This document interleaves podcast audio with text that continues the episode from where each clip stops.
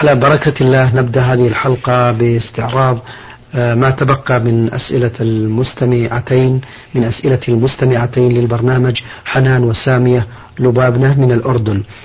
آه، المستمعتان تسألان أيضا هذا السؤال.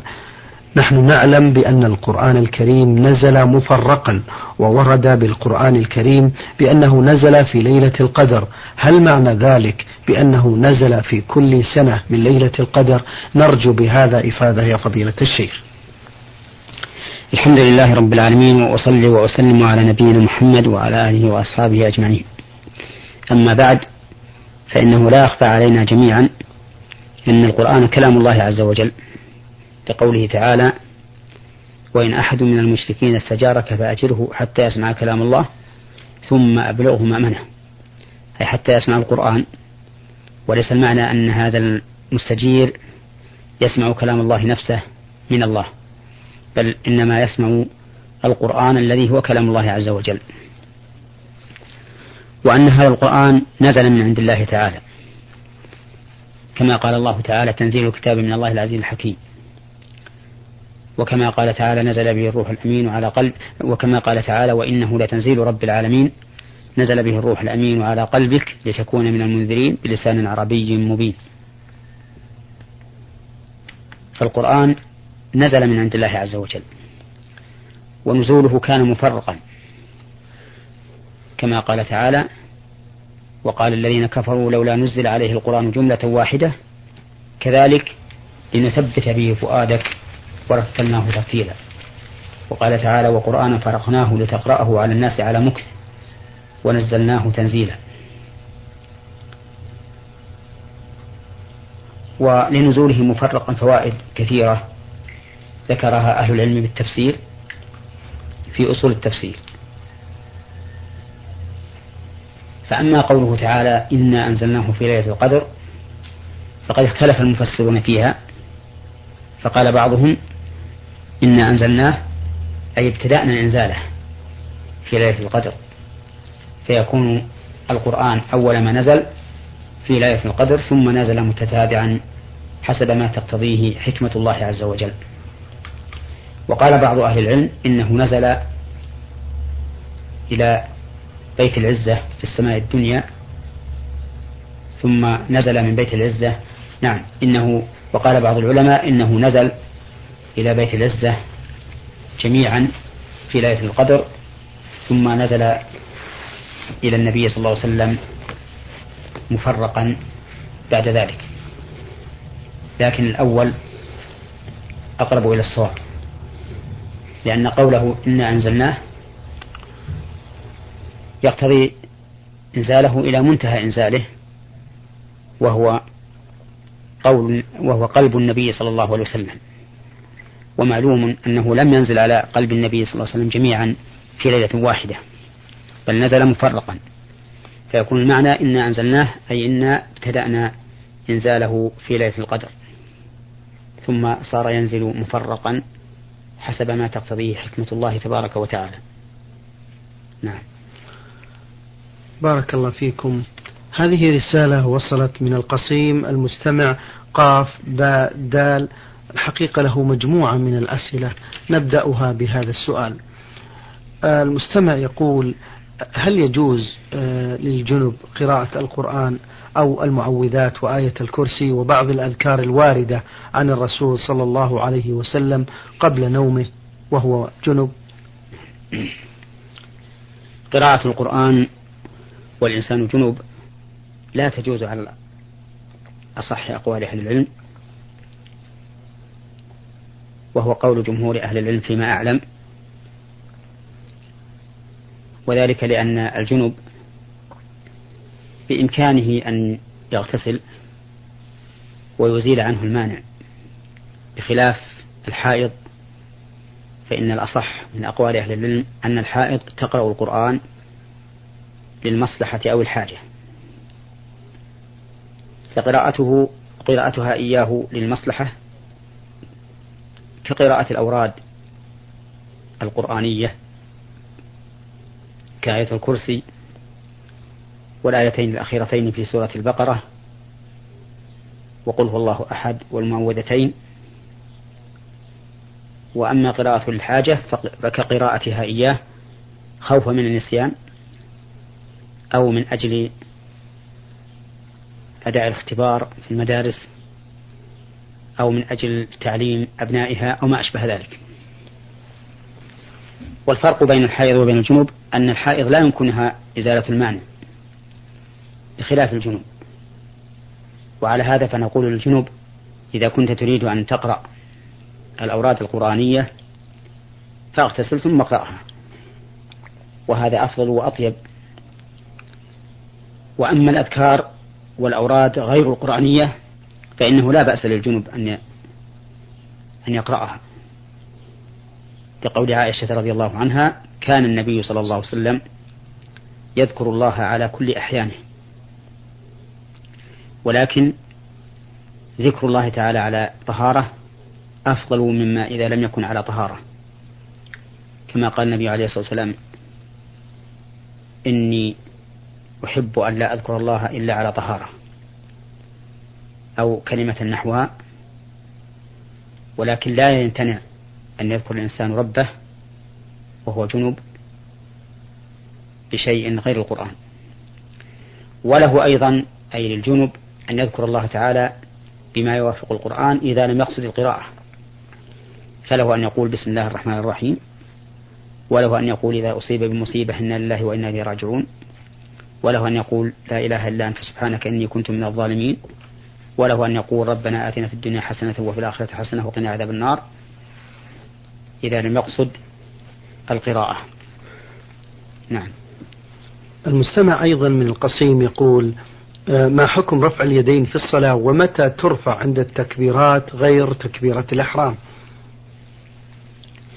آه، رفع اليدين يكون في أربعة مواضع. نعم. عند تكبيرة الإحرام وعند الركوع وعند الرفع منه وعند القيام من التشهد الأول. ويكون ابتداء الرفع مع ابتداء التكبير وله أن يرفع ثم يكبر وأن يكبر ثم ثم يرفع. ففي فبكل منهما جاءت بكل منها جاءت السنة. فبكل منها جاءت السنة. وأما عند الركوع فإذا أراد أن يهوي إلى الركوع رفع يديه ثم أهوى ووضع يديه على ركبتيه. وعند رفع من الركوع يرفع يديه على ركبتيه ويستمر رافعا لهما حتى يستتم قائما ثم يضعهما على صدره. وفي وفي القيام من التشهد الأول إذا قام رفع يديه إلى حذو منكبيه كما يكون كذلك عند تكبيرة الإحرام. وما عدا هذه المواضع الأربعة فإنه لا يرفع يديه فيها. وأما رفع اليدين في الصلاة على الجنازة فإنه مشروع في كل تكبيرة. كما صح ذلك عن عبد الله بن عمر من فعله بل قد روي عنه مرفوعا إلى النبي صلى الله عليه وسلم بسند لا بأس به عند عند تأمله. فالمشروع أن يرفع الإنسان يديه في تكبيرة الجنازة كلها في التكبيرة الأولى وغيرها. نعم. المستمع أيضا يقول ما حكم من قال آمين أو أعوذ بالله من النار أو سبحان الله والإمام يقرأ في صلاة جهرية عندما يسمع المأموم آيات تستوجب التعوذ أو التسبيح أو التأمين. أما الآيات التي تستوجب التسبيح أو التعوذ أو السؤال إذا مر بها القارئ في صلاة الليل فإنه يسن له أن يفعل ما يليق. فإذا مر بآية وعيد تعوذ وإذا مر بآية رحمة سأل. وأما إذا كان مستمعا للإمام فإن الأفضل أن لا يتشغل بشيء غير الإنصات والاستماع. نعم إذا قدر أن الإمام وقف عند آخر الآية وهي آية رحمة فسأل المأموم أو هي آية وعيد فتعوذ. أو آية تعظيم فسبح فهذا لا بأس به. أما إذا فعل ذلك والإمام مستمر في قراءته فأخشى أن يشغله هذا عن الاستماع إلى قراءة الإمام. وقد قال النبي عليه الصلاة والسلام حين سمع أصحابه يقرؤون خلفه في الصلاة الجهرية قال لا تفعلوا إلا بأم القرآن فإنه لا صلاة لمن لم يقرأ بها. وبه نعرف أن ما يفعله بعض العامة بل آه نعرف أن ما يقوله بعض العامة عند قول الإمام إياك نعبد وإياك نستعين فيقول استعنا بالله أنه لا أصل له ولا ينبغي أن يقال لأن المأموم مأمور بالإنصات من وجه ولأنه سوف يؤمن على قراءة الإمام في آخر الفاتحة. لقول النبي صلى الله عليه وسلم إذا أمن الإمام فأمنوا فإنه من وافق تأمين تأمين الملائكة غفر له ما تقدم من ذنبه. وفي لفظ إذا قال الإمام ولا الضالين فقولوا آمين. فلا حاجة إذن إلى أن تقول استعنا بالله إذا قال إمامك إياك نعبد وإياك نستعين. نعم. هذه أختكم في الله خاء ميم سين من الخرج. تقول في سؤالها لقد داومت على قراءة درة الناصحين في الوعظ والإرشاد وتأثرت به ولكنني أحس أن فيه أشياء مكذوبة وتأكدت من ذلك فما رأيكم في هذا الكتاب فضيلة الشيخ؟ رأيي في هذا الكتاب وفي غيره من كتب الوعظ أن يقرأها الإنسان بتحفظ شديد. لأن كثيرا من المؤلفين في الوعظ يأتون بأحاديث لا زمام لها ولا قياد لها ولا أصل لها عن الرسول صلى الله عليه وسلم بل هي أحاديث موضوعة أحيانا وضعيفة جدا أحيانا. يأتون بها من أجل ترقيق القلوب وتخويفها وهذا خطأ عظيم. فإن فيما صح من سنة الرسول عليه الصلاة والسلام من أحاديث الوعظ كفاية.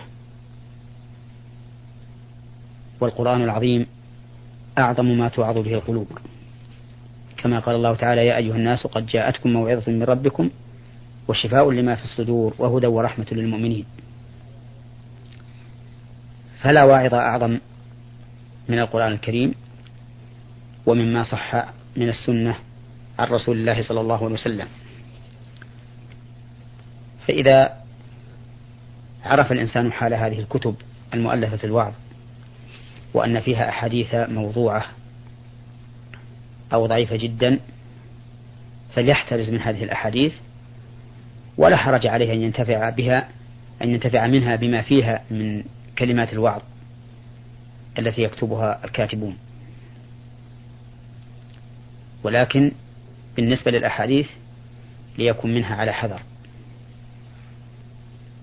وليسأل عنها أهل العلم. وإذا بين له حال حال الحديث فليكتب على هامش الكتاب هذا الحديث ضعيف أو موضوع أو ما أشبه ذلك لينتفع به من يطالع الكتاب بعده. نعم. المستمعة أيضا تقول في سؤالها في كلام الإنسان وحين مزحه مع أصدقائه وأحبابه يدخل شيء من الكذب بالضحك. آه، يدخل شيء من الكذب للضحك. هل هذا محظور في الإسلام؟ آه نعم هو محظور في الإسلام. لأن الكذب كل كله محظور. ويجب الحذر منه. قال النبي عليه الصلاة والسلام عليكم بالصدق. فإن الصدق يهدي إلى البر وإن البر يهدي إلى الجنة. ولا يزال الرجل يصدق ويتحرى الصدق حتى يكتب عند الله صديقا. وإياكم والكذب فإن الكذب يهدي إلى الفجور وإن الفجور يهدي إلى النار. ولا يزال الرجل يكذب ويتحرى الكذب حتى يكتب عند الله كذابا. وورد عنه صلى الله عليه وسلم أنه قال ويل لمن كذب ليضحك به القوم ويل له ثم ويل له. وعلى هذا فيجب الحذر من الكذب كله. لا لأجل أن يضحك به القوم ولا مازحا ولا جادا. وإذا عود الإنسان نفسه على الصدق وتحري الصدق صار صادقا في ظاهره وباطنه. ولهذا قال الرسول عليه الصلاة والسلام ولا يزال الرجل يصدق ويتحرى الصدق حتى يكتب عند الله صديقا. ولا يخفى علينا جميعا ما يحصل من نتائج الصدق. فها هو كعب بن مالك وصاحباه هلال بن أمية ومرارة بن الربيع رضي الله عنهم. صدقوا رسول الله صلى الله عليه وسلم حين تخلفوا عن غزوة تبوك وأخبروه بأنه لا عذر لهم. فماذا كان في حقهم؟ كان أن نزلت آيات من كتاب الله فيها الثناء عليهم والأمر بالاقتداء بهم. قال الله تعالى لقد تاب الله على النبي والمهاجرين والأنصار الذين اتبعوه في ساعة العسرة. من بعد ما كاد يزيغ قلوب فريق منهم ثم تاب عليهم إنه بهم رؤوف رحيم. وعلى الثلاثة الذين خلفوا فأفرد التوبة أو أفرد ذكر التوبة على هؤلاء مع أن القصة واحدة. لما حصل منهم من الصدق العظيم. وعلى الثلاثة الذين خلفوا حتى إذا ضاقت عليهم الأرض بما رحبت وضاقت عليهم أنفسهم وظنوا أن لا ملجأ من الله إلا إليه ثم تاب عليهم ليتوبوا إن الله هو التواب الرحيم. يا أيها الذين آمنوا اتقوا الله وكونوا مع الصادقين. فحصل لهؤلاء الثلاثة النفر الذين صدقوا رسول الله صلى الله عليه وسلم أن نزلت في فيهم هذه الآيات. والآية الوسطى من هذه الآيات الثلاث نزلت فيهم خاصة في أن الله تعالى تاب عليهم ونوه بذكرهم بكتاب يتلى حتى في الصلوات وفي الخطب إلى يوم القيامة. فيا أخي المسلم عليك بالصدق وتحري الصدق فيما بينك وبين الله وفيما بينك وبين عباد الله وإياك والكذب فإن الكذب كما أخبر به النبي عليه الصلاة والسلام يهدي إلى الفجور والفجور يهدي إلى النار. ولا يزال الرجل يكذب ويتحرى الكذب حتى يكتب عند الله كذابا. ولا تقل إنني أدخل السرور على الناس بما آتي به من القصص الكاذبة ليضحكوا بذلك فإن مضرة هذا عظيمة عليك وعليهم. أدخل عليهم السرور بما تعرف. من القصص النافعة الواقعة التي تنفعهم بزيادة إيمانهم ورغبتهم في الخير. مثل أن تذكر لهم ما تعرفه من سيرة النبي صلى الله عليه وسلم وخلفائه الراشدين وغير ذلك مما هو معلوم في الكتب المؤلفة في ذلك. نعم. بارك الله فيكم. المستمعة من الخارج حاميم سين تقول ما رأيكم فيما يتداول بين أيدي الشباب من قصص أجنبية؟ رأيي في القصص الأجنبية على سبيل العموم أنه ينبغي لنا إن لم أقل يجب علينا أن نتجنبها لأن فيما ذكر من قصص سلف هذه الأمة وخير هذه الأمة كفاية ودراية وهداية.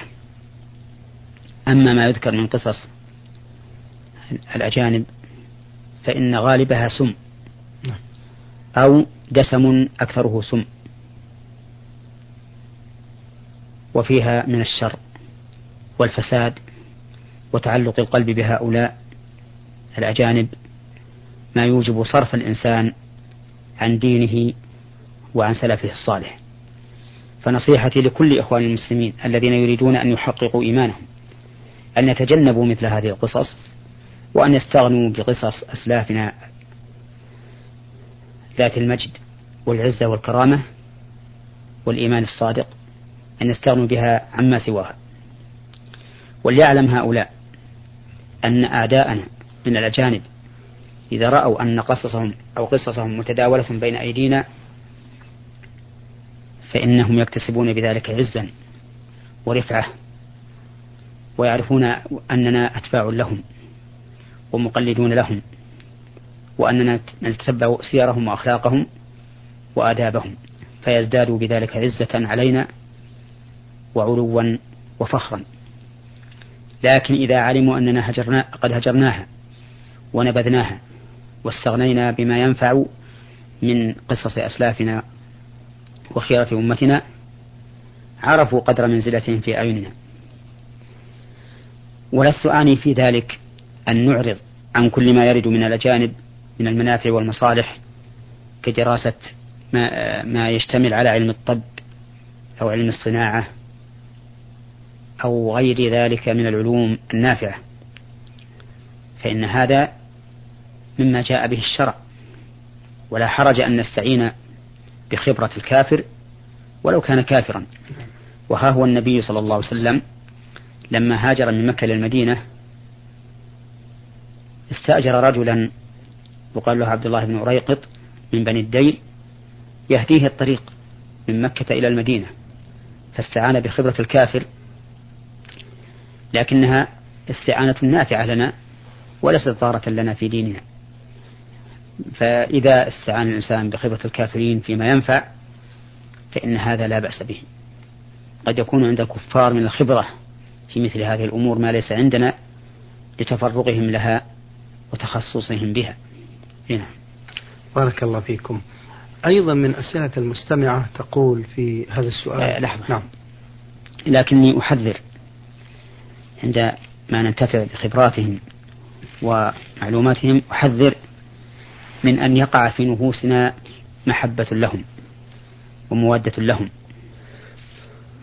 بل ننتفع بهم أو ننتفع بعلومهم وخبراتهم على وجه مجرد من المحبة والموالاة والمودة لأن موالاة أعداء الله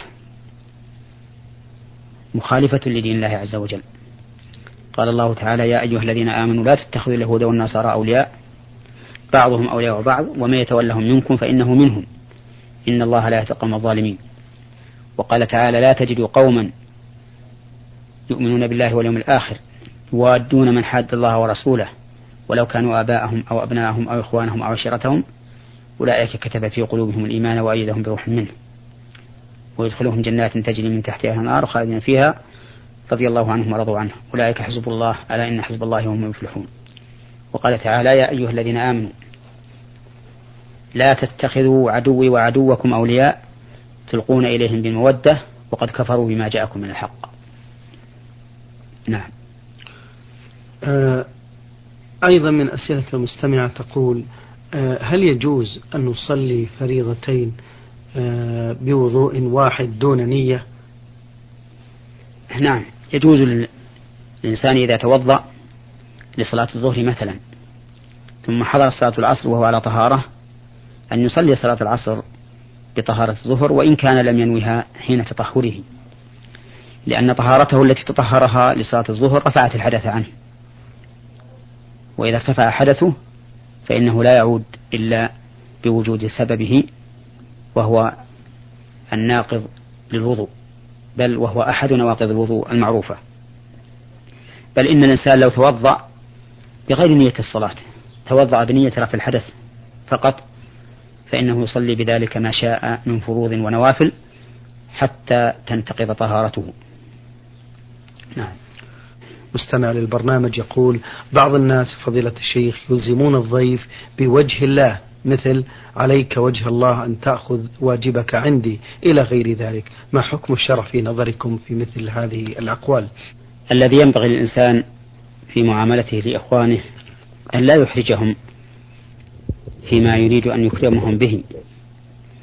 فإن إكرام المرء حقيقة أن تيسر أن تيسر له الأمر وأن تمهله وأن لا تثقل عليه بالتلزيم أو بالإلزام. والمبالغة في الإكرام إهانة. وكم من إنسان حصل له مثل هذه الحال؟ أي أنه ألزم أو لزم عليه بالشيء يفعله أو يدعه فيقع في حرج. وربما تضرر بموافقة صاحبه الذي ألزمه أو لزم عليه. ولهذا لا ينبغي للإنسان أن يحرج أخاه فيوقعه في الحرج في مثل هذه الأمور. بل يعرض عليه الأمر عرضا فإن وافق فذاك وإن لم يوافق فهو أدرى بنفسه وأعلم.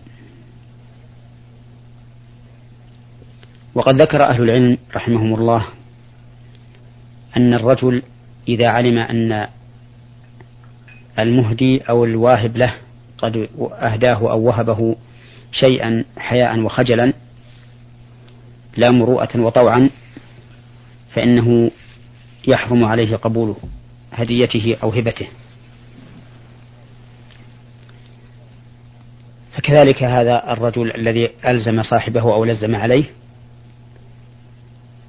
قد يكون آثما بإحراج أخيه.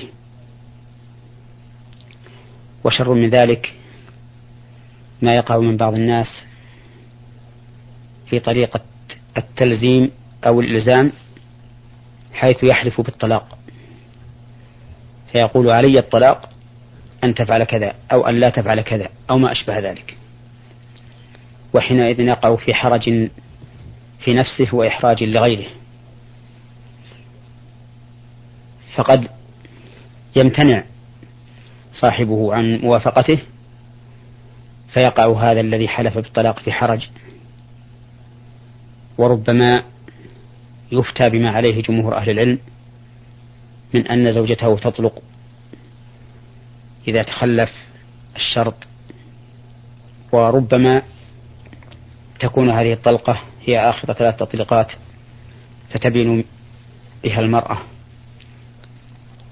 والمهم أن الذي أنصح به إخواني المسلمين أن لا يشقوا على غيرهم ويوقعون في الحرج. بل يعرض الإكرام عرضا فإن وفقوا فذاك وإلا فليدعو الإنسان في سعة. أما بالنسبة للسؤال بوجه الله عز وجل فإن وجه الله تعالى أعظم من أن يسأل به الإنسان شيئا من الدنيا ويجعل سؤاله بوجه الله عز وجل كالوسيلة التي يتوسل بها إلى حصول مقصوده من هذا الرجل الذي توسل إليه بذلك. فلا يقدمن أحد على مثل هذا السؤال. أي لا يقول وجه الله عليك أو أسألك بوجه الله أو ما أشبه ذلك. نعم. شكر الله لكم فضيلة الشيخ وعظم الله مثوبتكم على ما